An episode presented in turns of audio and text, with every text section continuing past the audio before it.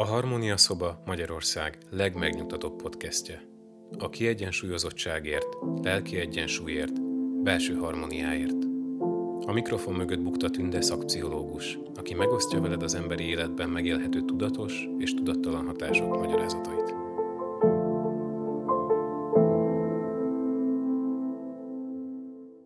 Ezen a könyvben sokat gondolkoztam, hogy hogyan jelenítsem meg nektek. De hogy elkészítettem a Hollányos podcastet, amelyben az életválság belső lelki megoldási folyamatát mutattam meg, akkor döntöttem el, hogy ezt a könyvet is megmutatom, mert ez már a mindennapi életben megvalósítható technikákat alkalmaz a belső hangok meghallása érdekében. Ebben a könyvben több a spirituális gondolat, de érdekes koncepcióban magyarázza el a jó szindrómát. Ezért hasznosnak tartom itt ebben a folyamatban bemutatni. A szerző a jó diéta szindrómának öt különböző típusát jeleníti meg. Én ebből kettőnek mutatnám be a gyógyulási folyamatát. A jó diéta szindróma azt a jelenséget takarja, amikor újra és újra lefogyunk és ismét visszahízunk. A szerző szerint a jó diéta szindróma pszichológiai énképünkben és nem hibás anyagcserénkben gyökerezik. Betegeit arra ösztönzi, hogy ne a testükre, a súlyukra vagy az ételre koncentráljanak, mert a jó diéta szindróma minden fizikai összefüggése visszavezethető pszichológiai gyökerekre. Például több tanulmány és saját tapasztalata is alátámasztják, hogy a jó jó diétán élők közül sokkal több a depressziós eset, mint az átlagos lakosság körében. A jó diéta szindróma egy ördögi kört hoz létre, ahol a depresszió az evéshez vezet, az evés pedig mélyíti a depressziót. Az átlagos lakossághoz viszonyítva a kényszeres evéstől szenvedő emberek gyakran látják önmagukat és a világot negatív fényben, és nagyobb valószínűséggel válaszolnak negatív érzelmekre túlevéssel. Azért mutatom be most ezt a könyvet két podcastben is, hogy elhitessem veletek, hogy ez a negatív ciklus megállítható és meggyógyítható. Pszichológusként azt Gondolom, hogy minden egyes élethelyzetünk lehetőség a tanulásra és a fejlődésre. A szerző szerint bizonyos értelemben a jó diéta szindróma ajándék, mert arra késztet, hogy jobban tudatosítsd intuíciódat és életcélodat. Ahogy elengeded a túlevést, természetes módon meghalod a belső hangot. Tudom, tudom, te egyáltalán nem tudod ezt ajándékként tekinteni. De a szerző hisz benne, hogy az életcélod megvalósítása egész életedet a helyére teszi. Szerintem minél több időt szentelsz életcélodnak, annál jobban normalizálódik az étvágyat. Többé nem a súlyod és az étel áll tudatot középpontjában, és a kilók eltávoznak. Virtu azt gondolja, hogy az énünk csapdákat, elodázási taktikákat használ. Ezek azok az értelmetlen cselekvéseink és nem létező problémáink, melyekkel azért foglalkozunk, hogy elodázhassuk igazi feladatainkat. Ilyeneket mondunk magunknak, majd akkor kezdek neki annak, amivel igazán foglalkoznom kell az életemben, amikor ezen a projekten túl leszek, vagy leadok még öt ki. Tehát a jó szintű diétán élők a súlyukat és az evést használják fel azzal a veszéllyel szemben, hogy szembenézzenek valódi életcéljukkal. Virtus szerint azonosíthatjuk a halogatási technikáinkat, és kigyógyulhatunk be, ha teljesen őszinték vagyunk magunkkal, és hallgatunk az intuíciónkra. Elkötelezzük magunkat céljaink mellett, és akár spirituális segítséget is kérünk. Annyit kellene tenned, hogy felismert, mikor fordultál le rossz helyen életcélod, és igazi önvalód autópályájáról. Természetesen, ha bántod magad, azzal nem segítesz a helyzeten. Egyszerűen vissza kell találnod az autópályára. Most megmutatnám akkor az öt különböző típust. Az első típusba azok tartoznak, akik evési rohamokban szenvednek. Ők egy vagy két fajta ételt esznek kényszeresen. Kenyeret, csokoládét, sajtot, vagy sós valókat. Amint egy falatot megesznek az adott étkezési szokásaik és étvágyuk kontrollálhatatlanná válik. Azon aggódnak gyakranok nélkül, hogy nem lesz elegendő étel számukra óriási távolságokat képesek megtenni, és rengeteg pénzt elköltenek, hogy megszerezzék azt a bizonyos ételt. Az evési rohamaik hátterében a hiányba vetett hit húzódik meg. A félelem, hogy nincs elegendő étel. A kényszeres evők attól félnek, hogy mire felfedezik és betöltik életfeladatukat, valaki más megelőzi őket, és nem lesz rájuk szüksége. A második típusba az érzelmi indítatásból levő személyek tartoznak. Csak akkor esznek túl sokat, ha erőteljes érzelmi hatás éri őket. Kialakul náluk a harag vagy a depresszió. Gyakran azonnal túl sokat esznek, ahogy hazaérnek a munkahelyükről. Mindig esznek, amikor unatkoznak. Néha egészen váratlanul úgy érzik, hogy hihetetlenül éhesek és szinte éhen vannak. Általában kényelmetlen számukra nyíltan felvállalni érzelmeiket és beszélni róluk. Ennek metafizikai hátterében az a hiedelem áll, hogy a többi ember folyton ellene tart, hogy ők betöltsék életfeladat. Ha úgy hiszik, hogy a gyerekeik, szomszédaik, főnökeik, munkatársaik, tanáraik, szüleik együttműködnének, akkor képesek lennének neki látni életfeladatok betöltésének. A harmadik típusban az önbizalom hiányos túlevők tartoznak. Ők azt kívánják, bár csak több önbizalmuk lenne. Negatív eredménnyel hasonlítgatják magukat másokhoz. Rettegnek attól, hogy megítélik, kritizálják vagy kinevetik őket. Amit az önbizalom hiányos ember lefogyott annyira, hogy kezdik megdicsérni a külsejét, vagy elismerő pillantásokat vált ki, azonnal elkezd visszahízni. Leginkább az motiválja őket a fogyásban, hogy tetszeni szeretnének a párjuknak, a szüleidnek, a szeretőjüknek, vagy bárki másnak önmagukon kívül. És gyakorlatilag szinte feladták a reményt, hogy valaha leadhatnák a felesleges kilókat, és arra gondolnak, hogy talán az a sorsuk, hogy kövérek. Keményen kritizálják önmagukat a súlyfeleslegük miatt. Mindig vesznesnek érzik magukat, ha híznak pár kilót. A túllevés ezen típusának hátterében az a hiedelem áll, hogy nem érdemlem meg azt a boldogságot és rendezettséget, amely az életcélon beteljesítéséből eredne. A sok önbizalomhiányos túllevő attól tart, hogy neki egyáltalán nincs is életcél.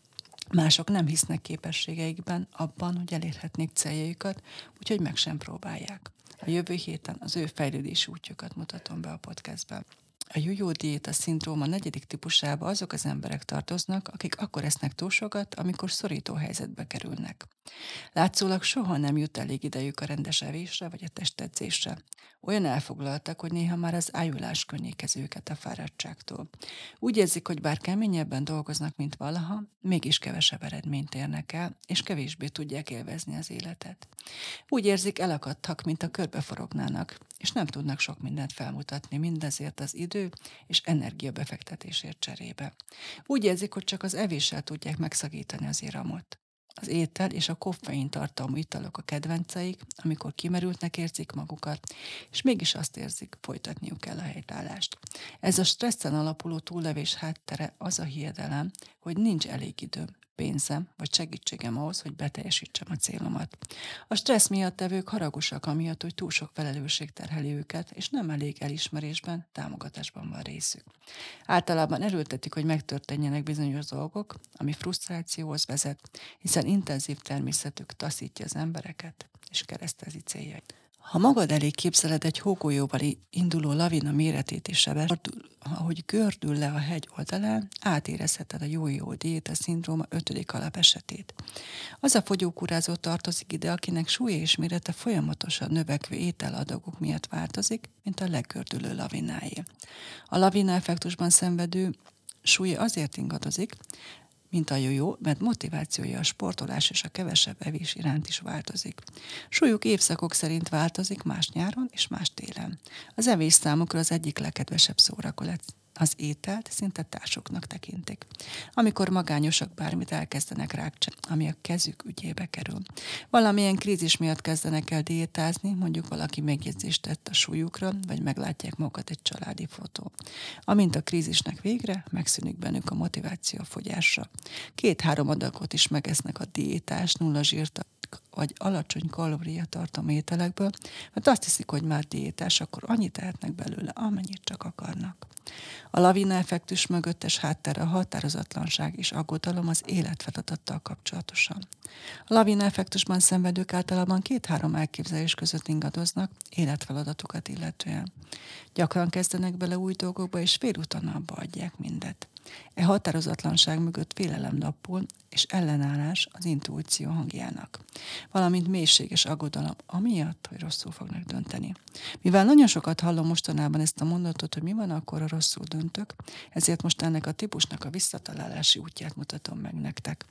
A lavina effektusban szenvedők gyakran ezért híznak mert azt gondolják, hogy ha egyszer végre vékonyak, akkor már azt tehetnek, amit csak akarnak. Soha nem gondolnak arra, hogy állandó változásokat is be kell vezetniük ahhoz, hogy megtartsák a súlyukat. Az ilyen lavina szindrómában szenvedőket visszafelé pedálozóknak szokta Virtua nevezni, mert olyan biciklistákra emlékeztetnek, akik keményen pedáloznak felfelé a hegyen, majd egyszer csak abba hagyják, és egyáltalán nem pedáloznak tovább. és ilyen visszafelébe azonnal visszacsúsznak a túlevésbe. A lavina effektusban szenvedők egyik csoportja a szezonális evők csoportja. Olyan emberek tartoznak ide, akik csak bizonyos évszakokban híznak meg, általában télen. A szezonális depresszió szintén túlevésbe hajszolhatja az embereket a téli hónapokban. Ez a betegség gyakorlatilag a teljes spektrumban sugárzó fény elvonásának egy tünete, ahogy a nap a téli hónapokban eltávolodik a Földtől. A szezonális depresszió két legáltalánosabb tünete a búskomorság és a szénhidrátok, különösen a csokoládé iránti kényszeres vágy. Ez a tünetcsoport összefüggés mutat a csökkenő szerotonin termeléssel. Ez a vegygyűlölet befolyásolja a hangulatot, és amikor már nem elegendő szerotonin termelődik, az eredmény depresszió, fáradtság és irritáltság. A test ilyenkor jelez, hogy segítségre van szüksége a szerotonin termeléséhez, ezért az illető kívánni kezdi a szénhidrátokat, kenyelet, édességeket és csokoládét. A szénhidrátok serkentik a szerotonin termelődés és emelik a vércukorszintet. Mindkét folyamat azt eredményezi, hogy boldogabbnak, energikusabbnak érezzük magunkat. A lavina effektus újabb típusa a szégyenlős, aki amint lefogy, megijed a vékonyságától, és többet teszik, hogy visszameneküljön a kövértestbe. De vannak még egyéb típusok is, a hobbójevők, akik az ételre úgy tekintenek, mint hobbira, ez jelenti számukra a szórakozást. Vannak a fásultak is, akik elveszítik a motivációjukat a folyamatos evők, és a simlis evők is ide tartoznak, akik egyfajta bűvészmutatmányt játszanak, önmagukkal a diétázás alatt. Ezért az első lépés a lavina effektusban szenvedőknek az elhatározás fenntartása. Minden lavina effektustól szenvedőnek nagy szüksége van egy fontos dologra, a jújó szindréma leállításához. A folyamatos motivációra, hogy fenntartsák az egészséges étkezési szokásokat és az életstílust. A hosszú távú fogyás a távlati cél, de nehéz ezt a célt folyamatosan észben tartani, amikor az evés pillanatnyi örömével állnak szemben. Az alábbi ötletek segíthetnek, hogy a lavina effektusban szenvedők fenntarthassák a gyógyuláshoz szükséges elkötelezettségüket, ha a lelkesedést nem is. Vedd elő a füzeted, és kérdezd meg magadtól, hogy miért akarsz lefogyni. Azért, hogy megfelelj valaki másnak, vagy azért, hogy magadnak okoz örömet. Ezek rendkívül fontos kérdések, mert a válaszok nagyon is összefüggnek a fogyással. Ha nem azért akarsz lefogyni, hogy örömet szerez magadnak, akkor nehéz lesz fenntartani a motivációt. Magadért csináld, nem valaki másért. Mindenek előtt azt számít, hogy te elégedett és boldog vagy-e magaddal. Ne olyan fogyókurákban gondolkozz, amelyeknek eleje és vége van. Amikor belekezdett az étkezési tervedbe, úgy gondolj, mint egy teljes és hosszú távú változtatásra éles stílusodban és étkezésedben. Az egészséges vonzó test nem olyasmi, amit elérsz, aztán már nem is kell dolgoznod érte. Remélem már elhitted nekem is, hogy a tartós fogyás inkább egy folyamat, mint sem egy cél, amit el kell érni. Ez kapcsolódik a pozitív gondolkodás fontossága a fogyás ideje alatt. Ahelyett, hogy úgy éreznéd, megvonsz magadtól valamit, amikor nemet mondasz a hízlaló ételre, változtasd át a helyzetet pozitívvá azzal, hogy tudatosítod, valójában igent mondasz a fit, egészséges testre, és arról, hogy jól érez külsőddel kapcsolatosan. Tanuld meg lefülelni önbecsapó gondolataidat a fogyással kapcsolatosan. Légy résen, ha csábító hangokat hallasz, amelyek ilyesmiket mondanak, hogy nem nagy gond, ha erre hétre eltérek egy kicsit a diétámtól. Vagy most már úgy is mindegy, ma már elrondottam a diétát. Amint észreveszel egy ilyen gondolatot magadban, a szerző azt javasolja, hogy képzelj egy kis szörnyszerű lényt, és tégy úgy, mintha ő akarna rávenni arra, hogy megszegd a fogadalmat. Adj nevet és személyiséget ennek a lénynek. Más szavakkal adj neki egy meghatározható személyiséget önmagadon belül. Amikor meghallod a szörny szabottáló hangját, mondd neki hangosan vagy magadban, állj, azonnal hagyd dobba ezt a beszédet. És képzeld el, hogy a szörnyecske félelmében elszalad. Vele együtt el kell tudnia belőled az önbecsapó gondolatoknak is. A magadnak írt üzenetek is nagyon hatékonyak. Ír magadnak néhány bátorító mondatot, és tedd ki őket mindenfelé a házadban. Tedd bele a táskádba, vagy tedd ki a faladra. Az ilyen mondatok fenntartják benned a motivációt, meg tudom csinálni. Megérdemlem, hogy, megérdemlem, hogy fit és vonzó testem legyen. Mivel a folyamatos motiváció fenntartása rendkívül fontos a lavina effektusban szenvedőknek, kétszeresen is lényeges, hogy rendszeres kapcsolatban legyél intuícióddal. Ha te is ebben a szindrómában szenvedsz, bármikor ilyen gondolatait támadnak, hogy mi értelme van, éhes vagyok és enni akarok, vagy a tested is egyszerűen nem nekem való, hagyd abba, amit éppen csinálsz, és figyelj egy kicsit befelé. Ne várj addig, amíg a motivációd már annyira leromlik, hogy nem is törődsz már az egészségeddel, súlyoddal és a picséged Azonnal kér segítséget, amint a motivációd egy kicsit meginog. Ezt akkor is megteheted, amikor úgy érzed, hogy nincs hited és belső erőd. A lavina effektusban szenvedők gyakran azért utasítják el a befelé fordulást, mert attól tartanak, hogy borzasztó dolgok fognak kirelülni róluk. Virtuál tapasztalai szerint emberi kapcsolataik gyakran konfliktusokkal terheltek, és az egyik fő ok, hogy elveszítik bizalmukat a fittség fenntartásának esélye, az, hogy a kapcsolataikban megér negatív tapasztalataik vannak. Te kezd el érezni a megkönnyebbülést, ahogy elkötelezed magad az önmagaddal való törődésre, ahogy felidézed mindazt a valós okot, amiért megérdemled a szeretetet és a tiszteletet. Jó módszer az intuitív hang erősítésére, ha egy véletlen naplót vezetsz. Egy kis saját füzetben, amit nem mutatsz meg senkinek. Írd fel az első lap tetejére, hogy ma az a szándékom, hogy észrevegyek minden véletlent, ami az életemben történik. Aztán kapaszkodj, mert rengeteg váratlan és kellemes élmény követi majd a kinyilvánított szándékodat. Minél inkább észreveszed és leírod ezeket a véletleneket, annál gyakrabban fognak életedben megismétlődni. Hamarosan a lavina effektus a véletlenekben fog megmutatkozni, nem a túlevésben. Intuíciód átvezet minden személyes és üzleti kapcsolatot látszólagos labirintusán. Odafigyelsz belső bölcsességedre, önbizalmad és motivációd az egészséges, vitt állapot fenntartásában erős és stabil lesz. Minél jobban tartod magad belső bölcsességedhez, annál jobban vélekedsz magadról, természetes dolog lesz gondosan törődni a testeddel. Étvágyadat és a testújodat többé nem rajtad kívülálló tényezők fogják meghatározni. A pozitív növekedés, a pozitív növekedés forrása vezet majd életed minden területén. Virtu azt is javasol, hogy írd le azt is, hogy hány kiló szeretnél lenni, mi a célod. Vagy mennyi legyen a tested zsírtartalma erős színnel írt fel egy nagy papírra, és olyan helyre tett ki, ahol minden reggel láthatod, amikor megméred magad.